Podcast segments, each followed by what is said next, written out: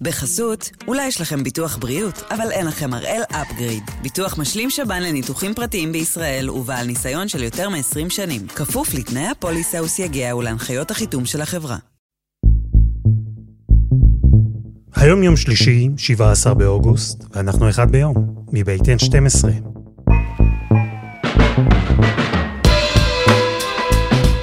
אני אלעד שמחיוף, ואנחנו כאן כדי להבין טוב יותר מה קורה סביבנו. סיפור אחד ביום, כל יום.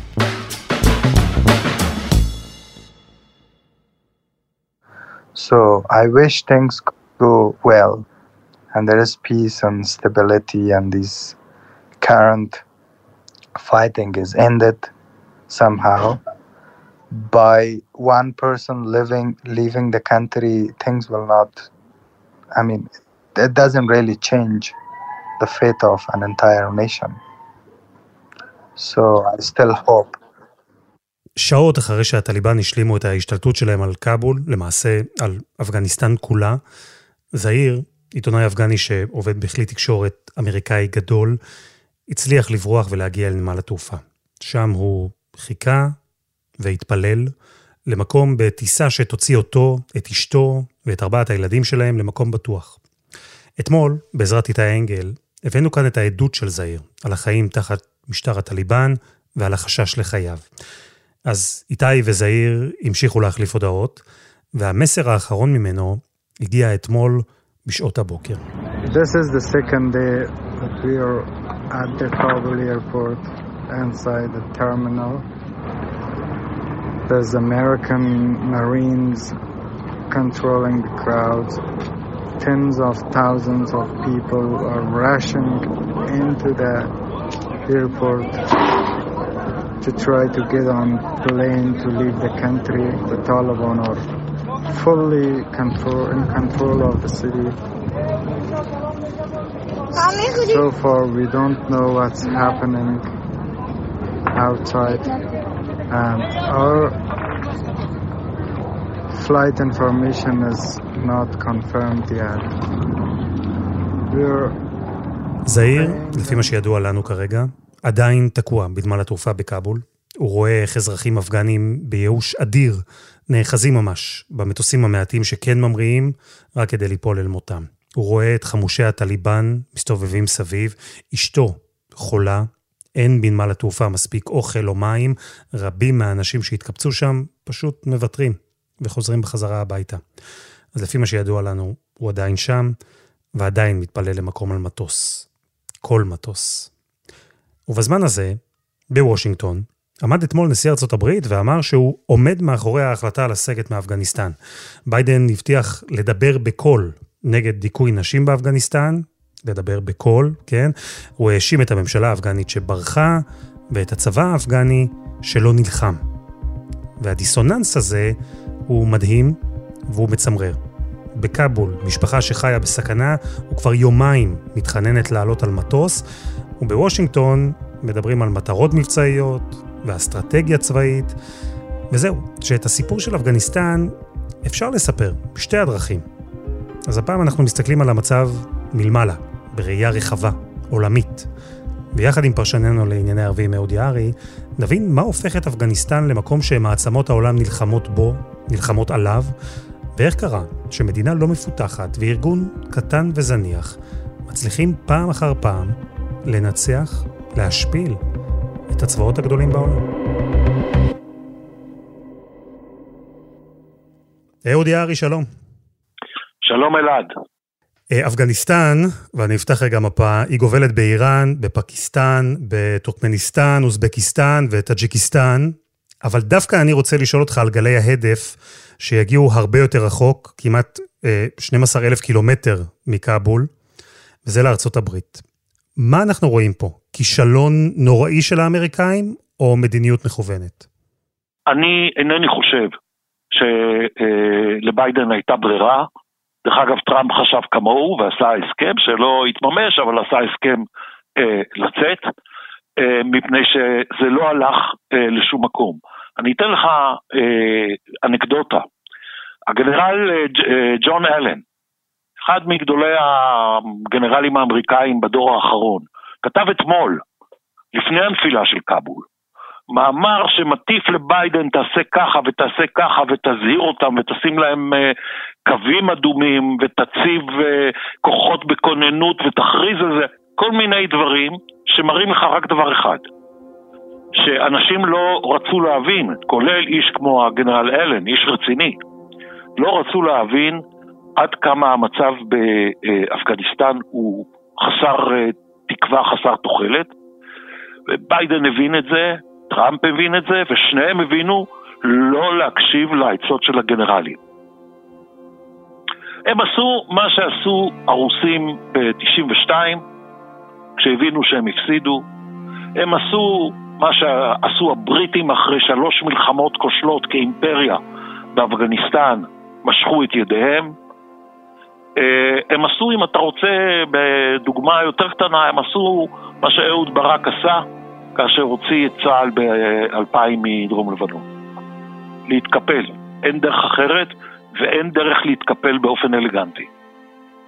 איך אתה מסביר את זה שמדינה כמו אפגניסטן, בפרק זמן של מאה השנים האחרונות בסך הכל, אירחה, אה, במרכאות, מלחמות ממושכות עם שלוש מעצמות, עם האימפריה הבריטית, עם ברית המועצות ועם ארצות הברית. מה יש שם שזה קורה דווקא בה? אפגניסטן יושבת על uh, צמתים של הדרכים הראשיות של uh, מרכז אסיה, בעבר למשל דרך המשי. אז היא לא מדינה uh, שיש לה חשיבות עצומה בפני עצמה, אלא יש לה חשיבות כדרך, כמדינת מעבר, ועוד יותר מזה במהלך ההיסטוריה, כמדינת חיץ, בין כוחות מתנגשים, למשל האימפריה הבריטית בהודו מול ההתפשטות של, ה, של רוסיה הצארית אה, לתוך אסיה. ולכן תמיד אה, אה, אפגניסטן הייתה זירה של קרבות, לא רק של מלחמות אזרחים פנימיות, שזה לא חסר להם, אלא גם התנגשות בין כל הכוחות שמסביב. אה, היא בעצם חשובה כדרך מעבר. אז זהו, שבאמת אם אה, פותחים מפה, אז הכל נהיה מאוד ברור, כי אפגניסטן יושבת ממש בלב אסיה, היא מחברת בין המזרח התיכון למזרח הרחוק, והתפיסה הייתה שמי ששולט בה יכול לשלוט באזור, ומי ששולט באזור בעצם נמצא בצומת ששם אותו בעמדת כוח עולמית, הרבה יותר מאזורית. אז הרציונל להיכנס ולהשפיע על מה שקורה שם ברור. אבל כמו שהן נכנסו, אז המעצמות הגדולות האלה, וגם היו אחרות לפניהן, כולן יצאו משם עם הזנב בין הרגליים. ואני תוהה למה, מה הופך את אפגניסטן למעין מלכודת תובענית כזו עבור מעצמות? אפגניסטן היא בית קברות של אימפריות. הבריטים כשהיו אימפריה, הרוסים, עכשיו האמריקאים, אם אתה רוצה, זה היה גם בית קברות של אימפריות פרסיות אה, בעבר. הסיבה היא שהמדינה היא קשה, היא הררית, היא מסולעת, היא, היא, היא מרופדת בגאיות וקניונים עמוקים, הגישה היא קשה ממקום למקום, הדרכים הן צרות וניתנות לשליטה ולשיבוש, ולכן להשתלט על מדינה בגודל הזה, עם התנאים האלה, זה קשה מאוד, ומה עוד אין בה? אין בה בעצם אומה. אין משהו שמלכד אותם. אין שם תחושה של, אה, אין דבר כזה שהוא אתה יכול לקרוא לו לאומיות אפגנית. ולכן אין סולידריות, ולכן אתה יכול לגייס אנשים ולבנות צבא ולתת לו את מיטב הציוד האמריקני, אבל אין להם זהות, מעבר לזהות השבטית, הכיתתית שלהם. קל וחומר שאף אחת מהמעצמות אף פעם לא הצליחה למצוא שם בני ברית מקומיים אמינים וחזקים מספיק אה, שיעזרו לה. אז במהלך עשרות שנים אה, ניסו להשפיע על אפגניסטן כוחות חיצוניים. הבריטים נלחמו שם שלוש פעמים, בעיקר כדי לעצור את ההתפשטות הרוסית. הסובייטים נלחמו שם במשך עשור כדי לעצור את ההתחזקות האסלאמית. ובעצם בשנות ה-90, כשהרוסים עזבו את אפגניסטן, גם כן נתקעו שם בבוץ, יצאו בלי הישגים, עולה כוח פנימי חדש וזה הטליבן. זה ארגון שהוקם על בסיס לוחמים אסלאמים שנלחמו בסובייטים, במלחמה הזו שנגמרה בסך הכל כמה שנים לפני כן. כן, הם היו חלק מן הכוחות האסלאמיסטיים שארצות הברית גייסה כדי להילחם ברוסים, כשהרוסים עם המשטר הקומוניסטי שהם הקימו באפגניסטן ישבו שם. ואז ב-1994 הם מקימים מיליציה משלהם, מה פירוש טליבן? שוחרי הדעת. אה, כאילו מיליציה של סטודנטים בסמינרים הדתיים שהופכים להיות אה, ללוחמים. והארגון הזה, הטליבן, הצליח להשתלט על אפגניסטן במלחמת האזרחים די מהר. איך בעצם הם הצליחו לצבור כזה כוח? ברגע שקמה תנועת הטליבן ב-1994, אחרי שהרוסים יוצאים, אחרי שאנשים שמייסדים את הטליבן קיבלו לפני כן סיוע אמריקאי, סיוע סעודי, כדי להילחם ברוסים ובמשטר הקומוניסטי אה, בכאבול, הם אה, מתחילים אה, למצוא חן, נקרא לזה, בעיני כל מיני שחקנים אה, בסביבה. קודם כל פקיסטן. פקיסטן רואה בטליבן פרוקסי, שלוחים אה, מתאימים שניתנים לניהול וניהוג, ושירות המודיעין המשולב של הפקיסטנים פשוט הופך להיות החונך, הפטרון, האבא של הטליבן. אה, הוא הדין אה, בסעודים. הסעודים אה, רואים בטליבן מי שהם במרכז אסיה שנושאים איתם את המסורת הווהאבית. והם משלמים, והם תומכים. האיראנים, לאורך התקופה, מבינים שהטליבן הם אינם חברים שלהם, אלה סונים, אלה שיעים, אבל הם נלחמים באמריקאים. מה יותר טוב מזה? ואז איראן מתחילה לתמוך. הרוסים מחפשים דרך לדבר איתם. לא תומכים בהם, מחפשים דרך לדבר איתם. ההודים מבינים שהטליבן זה איום, מכיוון שהם עשויים לשרת אינטרסים של פקיסטן, האויבת הנוראה. אז ההודים מנסים לקדם גורמים אחרים בתוך אפגניסטן כנגד הטליבן, וזה יוצר מעגל קסמים אה, שבו הטליבן נהנים מסיוע מבחוץ של גורמים שבעצמם לא מתערבים בתוך אפגניסטן. זה דבר די מדהים, אני חייב לומר, כי המקום הזה שהטליבן הצליח להוביל את עצמו אליו, מקום שבו כל מיני מדינות עם אינטרסים שונים תומכות בטליבן, או לכל הפחות מחזרות אחריו, רוצות לדבר איתו, איך זה קרה? הייתה בארגון הזה, ויש בו גם עכשיו, הייתה בו אה, אה, לכידות, כושר פעולה, הנהגה, אני חושב, מותר לומר, מבריקה, אה, קנאות איומה, חשוכה, אבל זה הטריד פחות אה, אחרים, ועכשיו הטליבן ידעו להציע למדינה כמו פקיסטן מצד אחד במזרח ואיראן במערב, ידעו להציע לה, אנחנו מסוגלים לדאוג שהאויבים שלכם, קרי הודו, ארצות הברית, לא ייקחו שליטה באפגניסטן. אז אף אחד אין לו אשליות לגבי uh, מה זה הטליבן, לאיפה הם הולכים, מה הם עלולים לעשות במורד הדרך. אבל כולם השתמשו בהם, כי אף אחד לא יכול בעצמו להכריע את הכף באפגניסטן.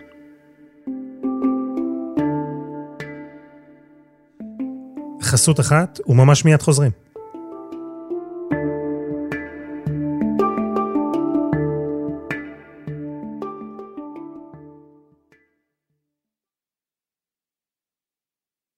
בחסות, אולי יש לכם ביטוח בריאות, אבל אין לכם הראל אפגריד. ביטוח משלים שב"ן לניתוחים פרטיים בישראל ובעל ניסיון של יותר מ-20 שנים. כפוף לתנאי הפוליסה וסייגיה ולהנחיות החיתום של החברה. אהוד, אז דיברנו על אפגניסטן, שהפכה למוקד של מלחמות וניסיונות חוזרים של כוחות חיצוניים להשפיע, וגם דיברנו על הכוח המקומי שעלה, הטליבן, שהצליח לגרום לכך שמדינות שונות יתמכו בו, כי הן מאמינות שהוא זה שיצליח לדאוג לאינטרסים שלהם. ואז מגיע 11 בספטמבר 2001, והטליבן בעצם הופך ממשטר שהוא אמנם מדכא, אפל ואכזרי, אבל כזה שהמערב מוכן לקבל אותו, אז הטליבן הופך לאויב שארצות הברית וגם בעלות בריתה מסמנות כמי שצריך להשמיד. אל-קאעידה קיבלו חסות של הטליבן, ישבו באפגניסטן, פעלו מאפגניסטן, אה, גייסו אנשים לאפגניסטן ושלחו מפגעים מאפגניסטן. כמה הטליבן היו מעורבים אה, בפרטי הפרטים של מה שהם עושים, קשה לדעת, אבל לא נראה שהם ממש היו בתוך התמונה. אבל ברגע שזה קרה, הטליבן, והם זוכרים את זה, שילמו את המחיר המלא, כי הנשיא בוש שלח את הצבא לאפגניסטן, כרת ברית עם הברית הצפונית של יריבי הטליבן במדינה, וסיימו את שלטון הטליבן בשנת 2001. מבחינת הטליבן זו הייתה פרשת דרכים הכי חשובה שהייתה להם. בגלל אוסמה בן לאדן ואל-קאעידה, הם איבדו את השלטון. ולכן צריך להניח שהם זוכרים את זה גם היום. ולא ברור שהם מוכנים לחזור על הסיפור הזה פעם נוספת, אה, לשם מה? ואחרי פיגועי התאומים, ולמרות שספרי ההיסטוריה, גם אה, אלו באנגלית שנמצאים בארצות הברית, מלאים בחוויות קשות שעברו האימפריה הבריטית וברית המועצות באפגניסטן, אז גם האמריקנים פלשו למדינה, והם שהו שם 20 שנה, בעצם עד הימים האחרונים. איפה בכל הזמן הזה היה הטליבן? כי אלו שני עשורים שבהם העולם חשב שהארגון הזה בגדול גמור. אלעד, ב-20 שנים האחרונות, אה, הטליבן כל הזמן היו שם, כל הזמן נלחמו, כל הזמן התחבאו, כל הזמן עשו כל מה שהם יכולים כדי להפיץ את הדוקטרינה הדתית והפוליטית שלהם, והדבר העיקרי שהם עשו היה להתארגן אה, בצורה שיטתית אבל מתמשכת לאורך האזור הספר של הגבול שבין פקיסטן לאפגניסטן. זה אזור שבו לממשלת פקיסטן ולצבא פקיסטן אין ממש שליטה רצינית. אותו דבר לא היה לממשלה בכאבול או לאמריקאים. זה החק החמים שבתוכו הטליבן אה, הצמיחו את עצמם אה, מחדש ב-20 השנים האלה, הצמיחו את, את עצמם מחדש לא רק כדי לכבוש עכשיו את כבול, אלא גם כדי בהמשך לאיים על אסלאמבאד, בירת פקיסטן. ואחרי 20 שנה שהם בנו את עצמם מרחוק, 20 שנה שאפשר רק לדמיין שהצטבר בהם כעס ורצון לנקום, ופתאום הטליבן שוב בשלטון. עד כמה הם מתכוונים עכשיו להיות מעורבים? כלומר, הם ינהלו ממש את כל תחומי החיים באפגניסטן? כן, לפי דעתי הם מתכוונים לקחת את השלטון מלא מלא. מלא מלא. אה, האם אה, ירצו לקשט את השלטון שלהם באיזה דמויות שהן לא ממעמקי הטליבן? אני לא יודע, הם דיברו על זה בעבר, אבל הניצחון שלהם היה כל כך קל, המתנגדים שלהם כל כך חסרי ישע, שהם עלולים אה, להתפתות ולומר, אנחנו לא צריכים אף אחד על ידינו. עכשיו, ופה צריך מיד להעיר עוד הערה, בזה לא נגמר הסיפור. המיעוטים הגדולים של האוזבקים והטאג'יקים לא במהרה ירכינו ראש. ואפשרות של אה, התנגדות מתוך אפגניסטן עד כדי חזרה למלחמת אזרחים נוראה כמו שהייתה שמה, זה לא אה, אופציה לא קיימת. שוב, תלוי איזה גורמים מבחוץ יזרימו כסף ונשק. מעניין אותי מה יקרה עכשיו, כי בעצם אפגניסטן נשארה אותה אפגניסטן. היא נמצאת באותו מקום, ועדיין נחשבת מדינה חשובה מבחינה גיאופוליטית. ומהצד השני אני לא רואה מעצמה שנכנסת לשם צבאית, אחרי מה שקרה לאמריקאים. וזה בעצם אומר, להבנתי לפחות, שהדרך היחידה להשפיע, לקבל דריסת רגל במקום החשוב הזה, היא לשתף פעולה עם הטליבן. אני חושב שכולם יישארו שחקנים באפגניסטן, והמשמעות היא שכולם ינסו לדבר ולעשות דילים כאלה ואחרים, חלקיים או יותר מפורטים, עם הממשל הטליבני שיקום בכאבול.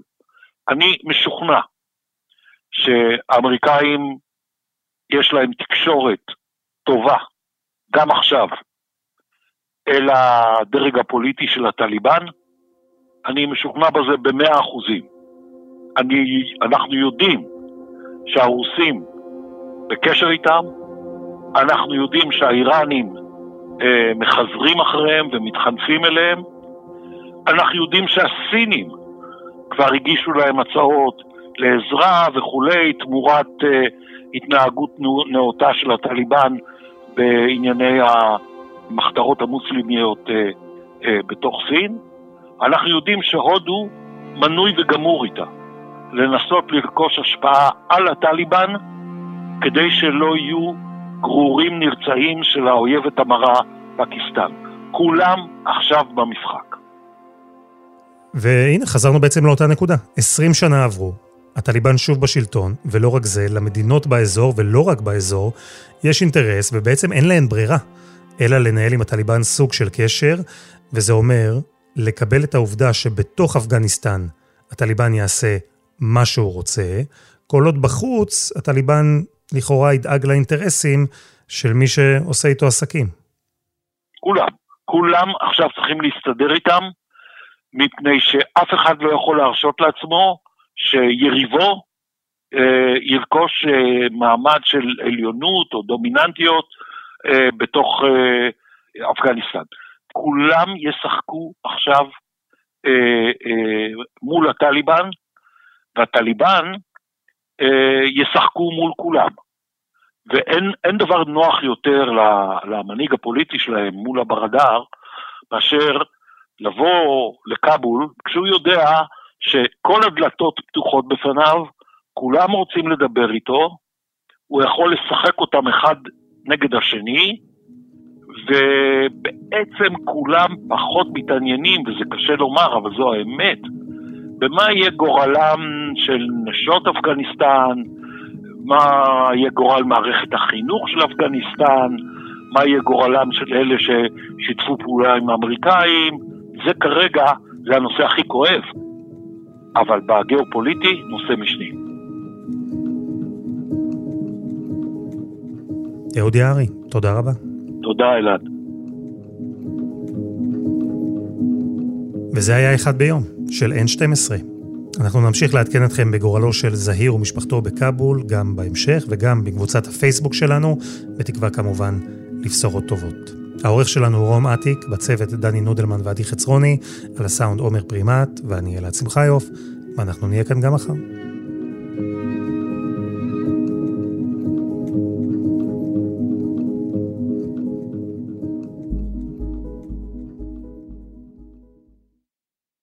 בחסות, אולי יש לכם ביטוח בריאות, אבל אין לכם הראל אפגריד. ביטוח משלים שב"ן לניתוחים פרטיים בישראל ובעל ניסיון של יותר מ-20 שנים. כפוף לתנאי הפוליסה וסייגיה ולהנחיות החיתום של החברה.